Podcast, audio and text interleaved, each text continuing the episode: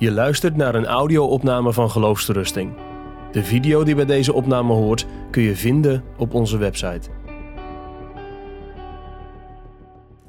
Goedenavond allemaal. Wat fijn om vanavond hier bij jullie te zijn en na te denken over dit geweldige thema. De volken zullen God loven, of anders gezegd, laat de volken u loven. We hebben net Psalm 67 gelezen, die zal ik later vanavond met jullie behandelen. Um, maar ik wil voor de pauze twee vragen bespreken over hoe vormt Gods eer het hart van zending. Daar heb ik twee vragen bij gemaakt. En na de pauze gaan we het hebben over uh, wat is dan het doel van zending? Wat is dan het doel van aanbidding, zou je ook kunnen zeggen. Daar ga ik met jullie over nadenken. Um, ik wil beginnen met een vraag aan jullie. Hebben jullie wel eens gehoord van John Chow? Ik denk de meeste van jullie niet. Ik eigenlijk ook niet, tot een paar weken geleden, toen ik van hem las. En toen ik las van hem, toen ging er wel een lampje branden. John Chow was namelijk een zendeling van 27 jaar, jonge man, jonge vent, die Amerika verliet en naar een van de eilanden in de Stille Oceaan ging. Daar woonde namelijk een stam, de Sentinel-stam, die nog nooit van het evangelie hadden gehoord.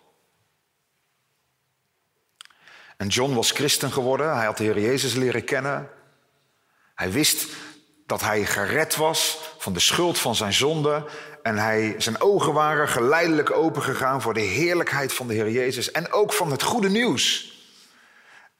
En hij kwam steeds meer tot de overtuiging, deze boodschap hebben mensen nodig.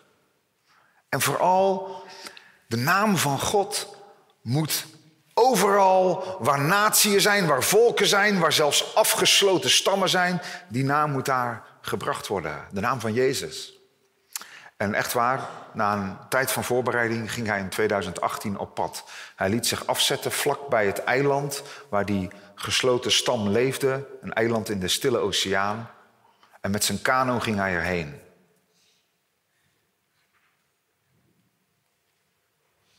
Na twee dagen is hij vermoord. Voordat hij met iemand ook maar iets heeft kunnen spreken over de Heer Jezus. 27 jaar. Misschien ben jij wel 27.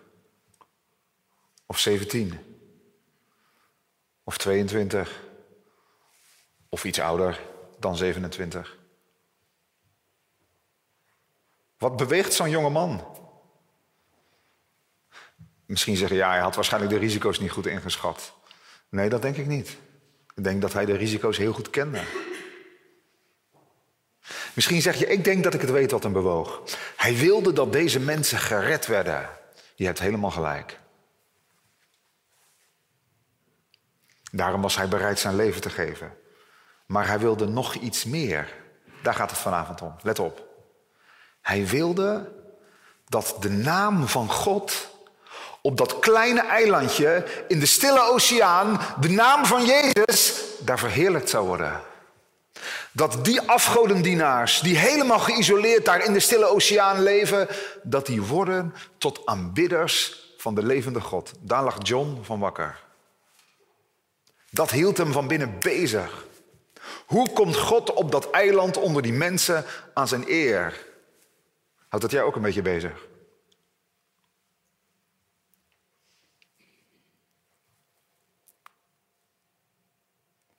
Heb je ook wel eens een, een last in je gedachten dat je denkt, hoe vindt de naam van God nog meer eer op deze wereld? Nou, ik moet eerlijk zeggen, dat houdt mij niet elke dag bezig. Vaak ben ik meer bezig met mijn eigen bubbeltje. Hoe kom ik deze dag door? En waar vind ik de eerste beste iPhone-oplader? En wacht, ik moet tanken. Allemaal dingen die nodig zijn, hè? Maar het is goed om na te denken, waarom ben je hier op aarde? En waarom zijn die mensen op dat eilandje hier op aarde? Om de naam van God te verheerlijken. Ik vind het wel heel goed dat je er vanavond bent. Waarschijnlijk zet je een dinsdagavond in je vakantie apart. Om naar een avond als deze te gaan om toegerust te worden, een toerustingsavond. En je wist dat het ging over zending, over aanbidding van God, over de hele aarde. En dat is mooi, we zijn hier met meer dan 100, voornamelijk jonge mensen, mannen en vrouwen, getrouwd en ongetrouwd. Misschien is de gemiddelde leeftijd 20, 23, zoiets. Jonge mensen met energie. Ik zie ook een paar oudere mensen met levenservaring. En geld, wellicht.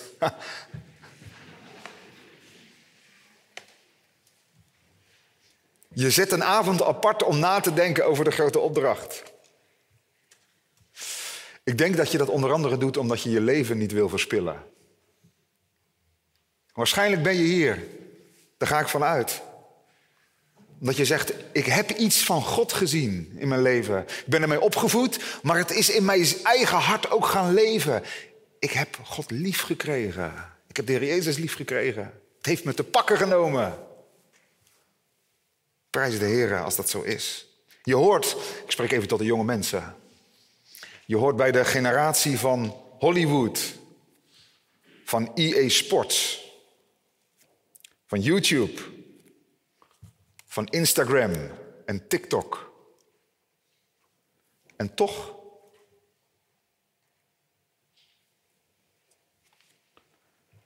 Je wilt die drukdoenerij van het leven niet maken tot het hoogste doel van je leven. Je, je, je, weet op de bodem van je ziel, Gods goede tierenheid is beter dan het leven. Ik wil in mijn leven meer dan succes, gezondheid, huisje, boompje, beestje. Ik wil horen bij het koninkrijk van God en ik wil een van zijn dienaren of dienaressen zijn die tot eer van hem leven en die anderen tot zegen zijn. Misschien wel anderen die ergens in de stille oceaan afgoden dienen.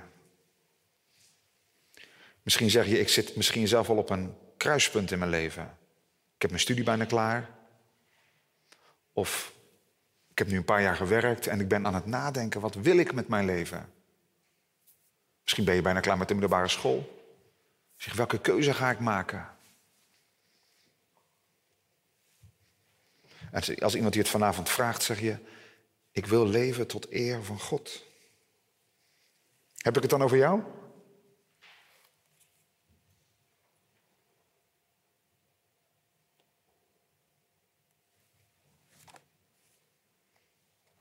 Als dat zo is, dan is dat waarschijnlijk omdat God iets groots in je leven heeft gedaan. En dat je geestelijke ogen zijn opengegaan. Als dat niet zo is, als je zegt, als ik eerlijk ben, is dat niet helemaal wat op de bodem van mijn hart leeft. Ik ben misschien nog wel een beetje een meeloper. Dan zou ik je vanavond willen vertellen, luister dan goed naar de boodschap van de Heer Jezus, want je leven kan veranderen op een avond als deze. Als God je zijn heerlijkheid laat zien, zijn zoon laat zien en je uitnodigt om tot Hem te komen. Goed, je bent hier vanavond.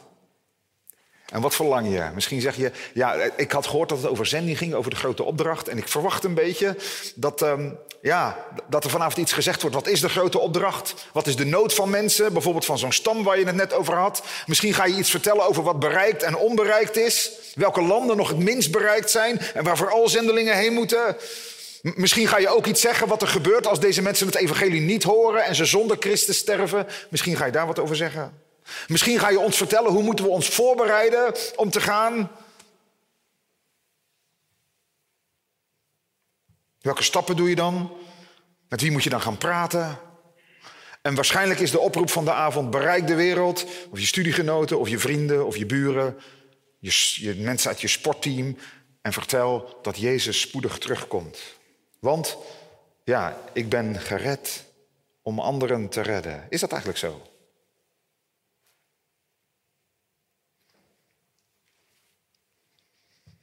Als je het over zending wil hebben, moet je het allereerst dan over deze dingen hebben. Misschien hebben jullie ooit wel gehoord van Paul Washer, ik denk het wel. Die kwam ooit op een missieconferentie spreken. Waar allerlei zending werd, zendingsaspecten werden besproken. En hem werd gevraagd om daar allerlei dingen over te zeggen. Hij was zendeling in Peru geweest. En um, hij zei, weet je, als je echt wil dat het over zending gaat... over het bereiken van de volkeren... dan moet je mij vragen om over de heerlijkheid van God te spreken. Want als mensen de heerlijkheid van de Heer zien, zijn goedheid, zijn macht, zijn grootheid, zijn genade, zijn kracht, zijn glorie, dan komen ze in beweging. Want, let op, Zending is niet het hoogste doel van de kerk. Dat is aanbidding. Zending bestaat maar tijdelijk. Zendeling bestaat, zending bestaat alleen maar omdat aanbidding nog niet overal aanwezig is. Zending heeft een doel, namelijk aanbidding van God onder alle volken. Je zou kunnen zeggen, de grote opdracht die Jezus geeft is een soort tijdelijke ingreep om iets te bewerken. En wat is het doel daarvan? Nou, de aanbidding van God, de eeuwige, glorieuze aanbidding van God. Dat heel de aarde vol wordt met de kennis van de Heer, zoals het water de bodem van de zee bedekt. Niet zending is ultiem, is het allerbelangrijkste. Aanbidding, de eer van God, de verheerlijking van Gods naam, dat is het allerbelangrijkste. Jezus zei, jullie moeten bidden dat Gods naam wordt geheiligd, dat Gods koninkrijk gaat komen en dat zijn wil gaat geschieden. Er komt dus een moment, eh, jongens en meiden, dat er nooit meer iemand aan zending denkt. De Bijbel zegt dat er een moment komt dat alle heiligen voor de troon van het lam zullen staan en ze zullen roepen, want u bent geslacht en u hebt ons voor God gekocht met uw bloed uit elke stam, taal, volk en natie. Als dat moment is aangebroken en uit elke stam, uit elke taal, uit elk volk en uit elke natie, al die mensen daar juichend voor de troon van God staan, dan denkt niemand meer over zending. It's over. Mission completed. Want ze staan daar voor de troon van God. Dus nu, nu al die mensen nog niet voor de troon van God staan, moet zending worden ingezet om aanbidding te bewerken. Snap je dat? Zending is geen doel, het is een middel. Het doel is dat er lofprijs van God is onder alle volken. Nou, wat, wat, is dan een missie? Wat, wat wilde John Chow dan? Wat doe je dan als je ergens heen gaat om het evangelie te brengen? Nou, eigenlijk dit. John Piper zegt in zijn boek dit. Hij zegt, je leert mensen, je roept ze op om te stoppen zichzelf groot te maken. En ze beginnen God groot te maken. Hoe dan? Door hen te vertellen, door te prediken wie God is, hoe God schiep, hoe God Adam en Abraham riep en Israël bevrijdde uit Egypte, hoe God zijn belofte gaf en zijn geduld toonde en uiteindelijk de Heer Jezus in de wereld bracht, die leed en stierf en 2000 jaar geleden uitriep, het is volbracht. Die opstond uit de dood en die alles heeft overwonnen. En die naam van Jezus, die moeten mensen horen, willen ze eenmaal staan voor de troon van het Lam. Er komt namelijk niemand voor de troon van God dan door de naam van Jezus.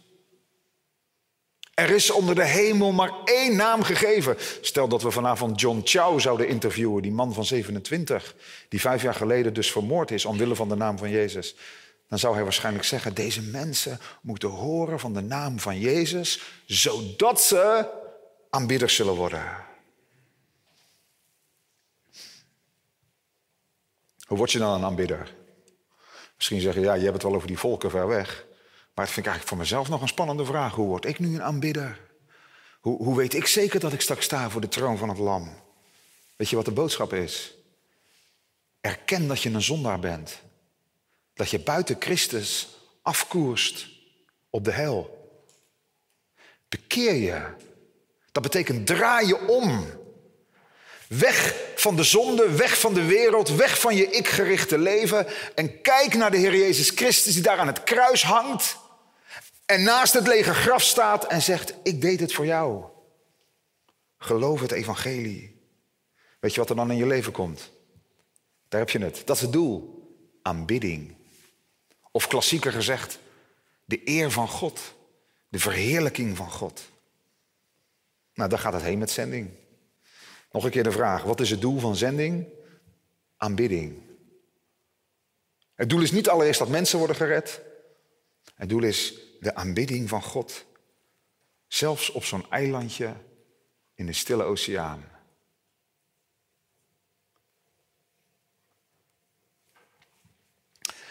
Ik ga nog een keer naar jou. Als je zegt, ja, ik, ik vind dat voor mezelf nog wel een spannende vraag. Ehm, want ja, inderdaad, aanbidding ver weg. Dat, dat gaat alleen maar tot stand komen als je zelf hebt geleerd om God te aanbidden. Je gaat natuurlijk niet zeggen, laat de volken zich verblijden, laat de volken u loven, zo hebben we net. Als je niet zelf in je binnenkamer of vanavond hier tijdens het zingen van dit lied of tijdens het luisteren naar de boodschap, als je niet zelf van binnen in je hart kan zeggen, ik zal mij in de Here verblijden.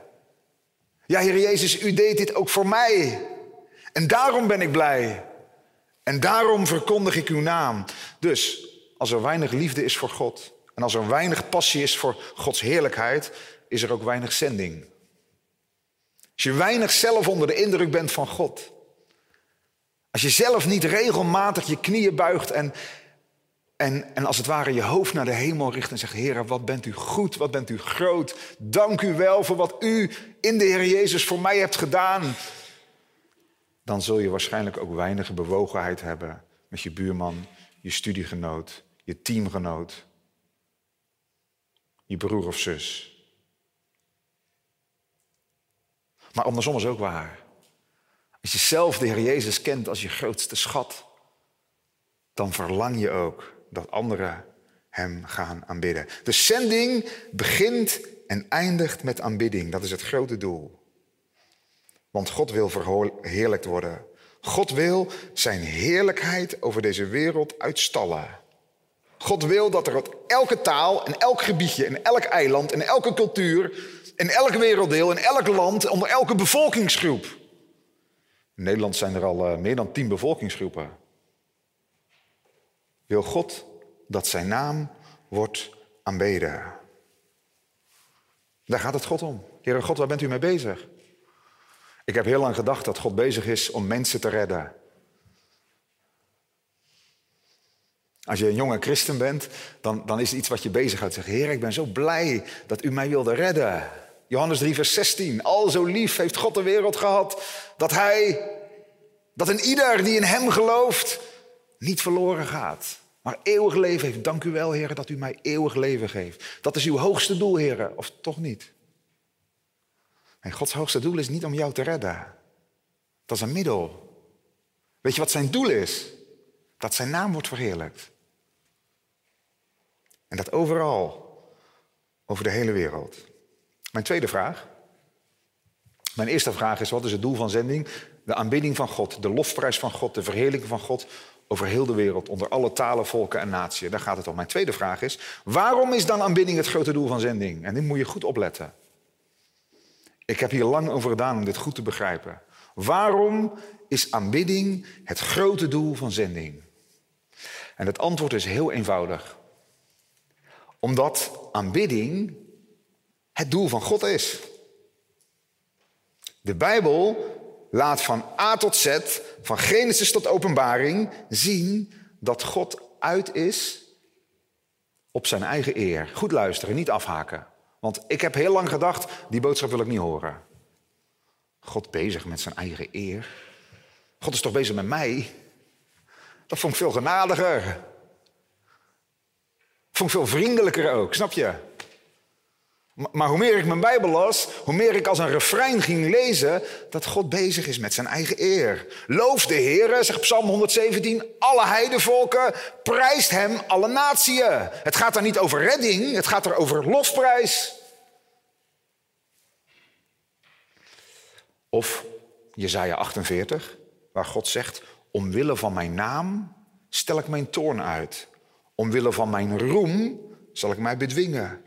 Omwille van mij, omwille van mij doe ik het. Want hoe zou mijn naam ontheiligd worden? Ik zal mijn eer niet aan een ander geven. Eigenlijk zegt God, ik zeg het even in Jip en Janneke taal. Israël, maak je geen illusies. Het gaat niet om jullie, het gaat om mij.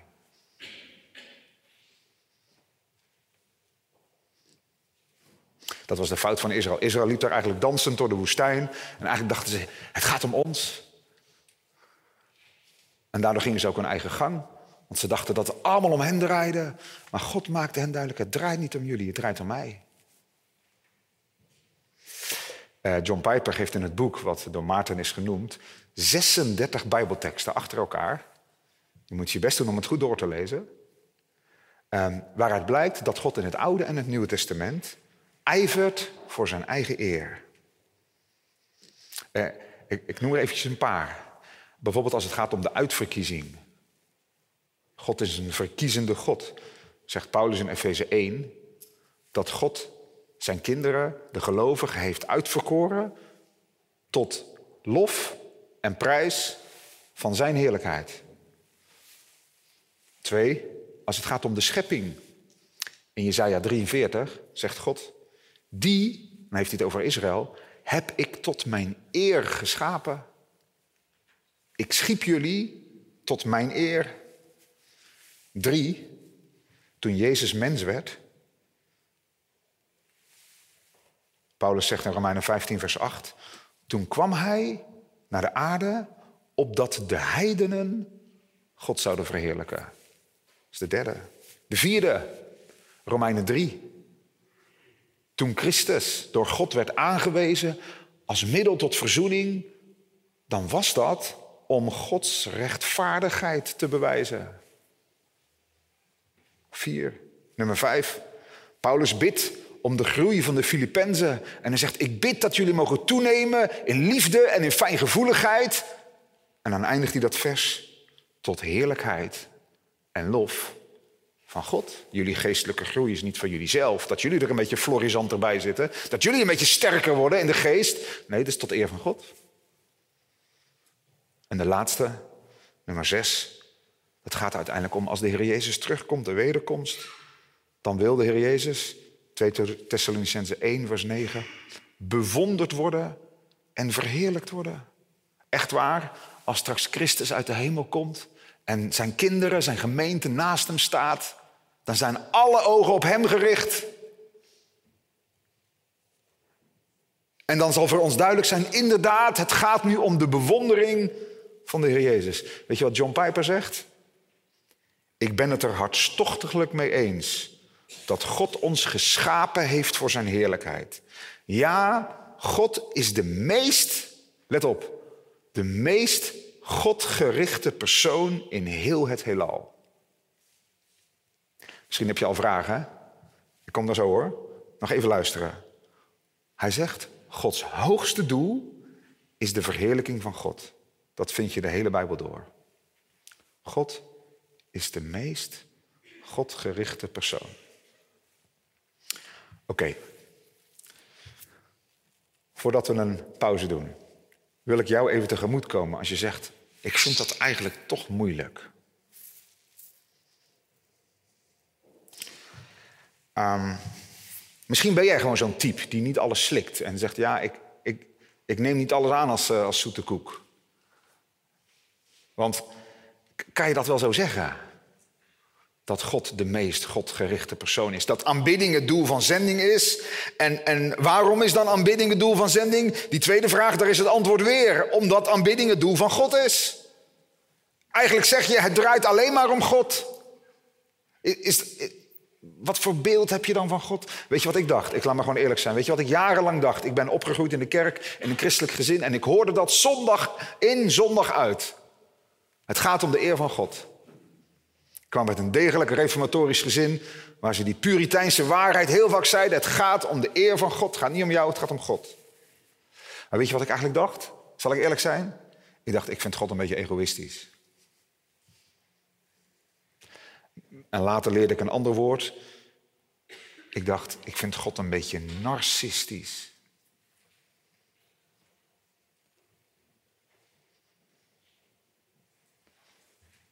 Hij doet het alleen maar voor zichzelf. Eh, die vraag is begrijpelijk. En misschien is dat iets wat jou zelfs wel hindert om echt voor God te leven. Dat je eigenlijk worstelt met het beeld van God. Wat is eigenlijk zijn karakter? Hoe is hij nu eigenlijk? Dat is echt een hele goede vraag. Als je 17, 18, 19, 20 bent of nog wat ouder en je, en je worstelt met die vragen, daar moet je antwoorden op vinden. Want het is heel belangrijk welk beeld heb je van God. Kijk, sommige mensen, sommige christenen hebben het beeld van God als een Sinterklaas. Gewoon, dat is een soort therapeutische God die je in je broekzak hebt zitten. Nou, ik denk dat de meesten van jullie daar niet mee opgegroeid zijn. En je voelt ook wel aan, dat is niet het beeld wat de Bijbel schetst van God. Aan de andere kant kan je een beeld van God hebben die alleen maar met zichzelf bezig is en willekeurig verkiest, willekeurig gered en eigenlijk grillig zijn gang gaat. En misschien heb je dat beeld vanavond wel. Inderdaad, ook zending gaat alleen maar om God. Ik geef je twee redenen, en ik hoop dat, dat je dat begrijpt. Twee redenen waarom het voor ons supergoed nieuws is dat God voor zijn eigen eer gaat. De eerste. Het is rechtvaardig. Want God is God. God ziet de dingen juist. Want God geeft dat wat het meeste waarde heeft ook altijd de meeste eer.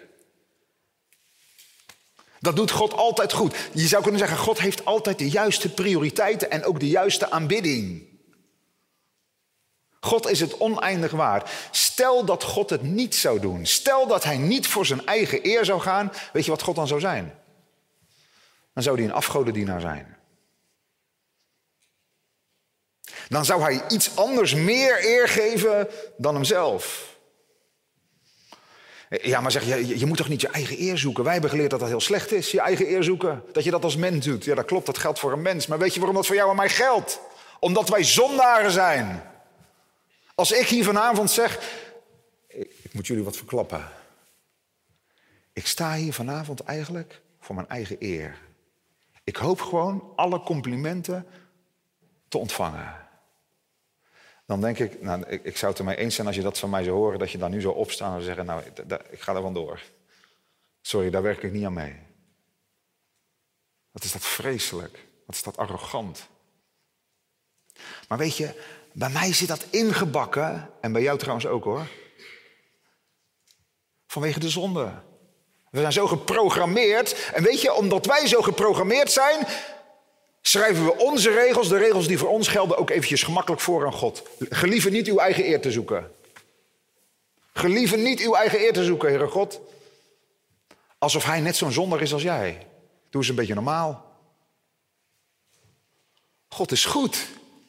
In hem is geen duisternis. En als God zichzelf eert, dan zegt heel de schepping, en uiteindelijk zal dat ook in de toekomst zo zijn, u bent het waard, heren. Het is juist, het is rechtvaardig. Oké, wat is dan het principe voor ons? Verheerlijk God. En wat is dan het principe van God? Of voor God? Dat God zichzelf verheerlijkt. Precies hetzelfde. Het is rechtvaardig. Dat is de eerste reden. En de tweede reden, en die is mooi. Het is ook heel erg liefdevol.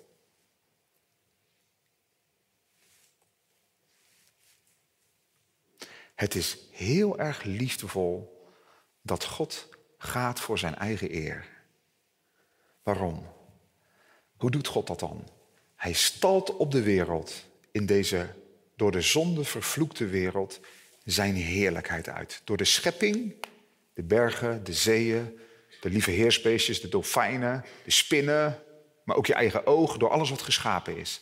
Maar niet alleen door de schepping, ook door zijn zoon, door het evangelie.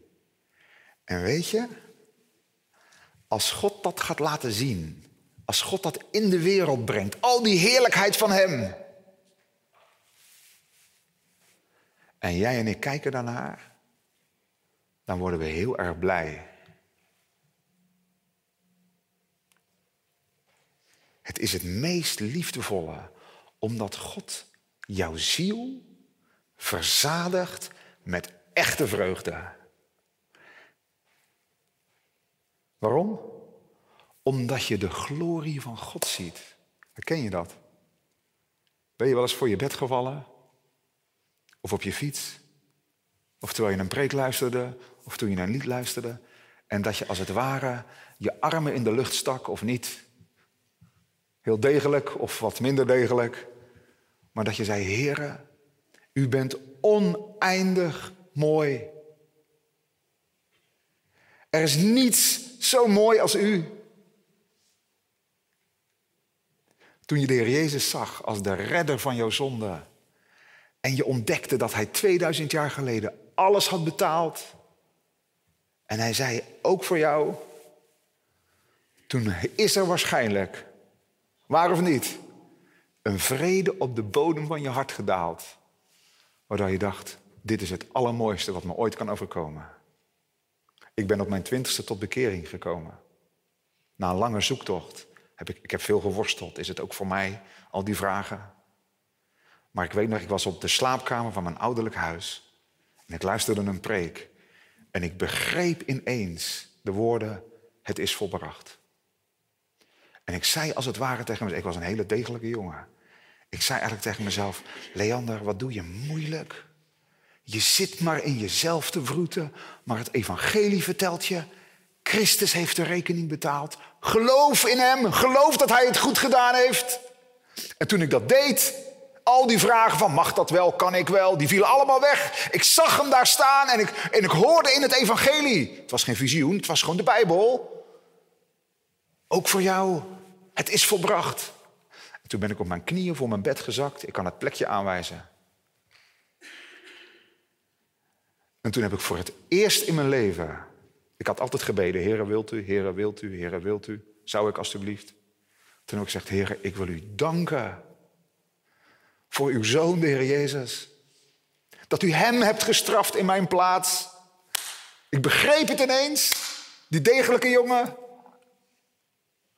En toen voor mijn bed, op mijn knietjes, toen heb ik een vreugde in mijn hart gekend. Ik had ervoor ook een hele tijd in de wereld geleefd. Zou ik een boekje over kunnen openen, dat ga ik niet doen. Veel plezier in de wereld gehad, op allerlei terreinen. Maar toen, toen heb ik een vreugde gevonden waarvan ik dacht, hiervoor ben ik geschapen. Dit is het doel van het leven. Gelukkiger zal ik nooit meer worden. Dit is het. En ik waande me, misschien een beetje gek hoor, maar ik denk dat je me snapt. Ik waande me bij een oceaan waar ik voor stond en ik had zo'n heel klein bekertje met helder water. En ik pakte ze met mijn, dat was mijn ziel hè. Ik schepte een beetje water uit die oceaan en ik dronk een paar druppels. En ik dacht, dit is het allerheerlijkste. En er ligt nog een oceaan op me te wachten. Dat is het leven met God. Wat nou saai het dienen van God? Misschien sta je al op een kruispunt en denk je: zal ik hem volgen, zal ik hem dienen of niet? Ja, de, de wereld trekt eigenlijk meer aan me, daar word ik gelukkiger. Ik zeg je vanavond: je hebt het helemaal fout. Sorry dat ik het zo duidelijk zeg. Maar Jezus Christus te kennen is de allergrootste schat. En weet je wat je dan zegt? Dank u wel, Heere God, dat u uw heerlijkheid uitstalt in deze wereld, zodat mijn ziel erdoor verzadigd wordt. Dank u wel dat u voor uw eigen eer gaat. En dat u mij het voorrecht gunt om u groot te mogen maken. Dat ik één van die mensjes mag zijn die staat voor de troon van het lam en zich voor eeuwig in u verheugt. Daarom is het heel erg liefdevol van God. Dat hij jou laat delen in zijn heerlijkheid. Dat je daar vreugde aan mag beleven. Uh, begrijp je een beetje waar ik het over heb? Of praat ik Chinees? Hebben allemaal ons eigen levensverhaal, hè?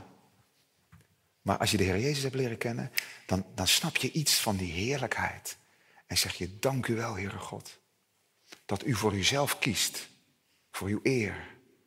En dat ik daaraan bij mag dragen. Dat ik, als sterfelijk mens, ik ben maar een heel klein mannetje. En jij trouwens ook.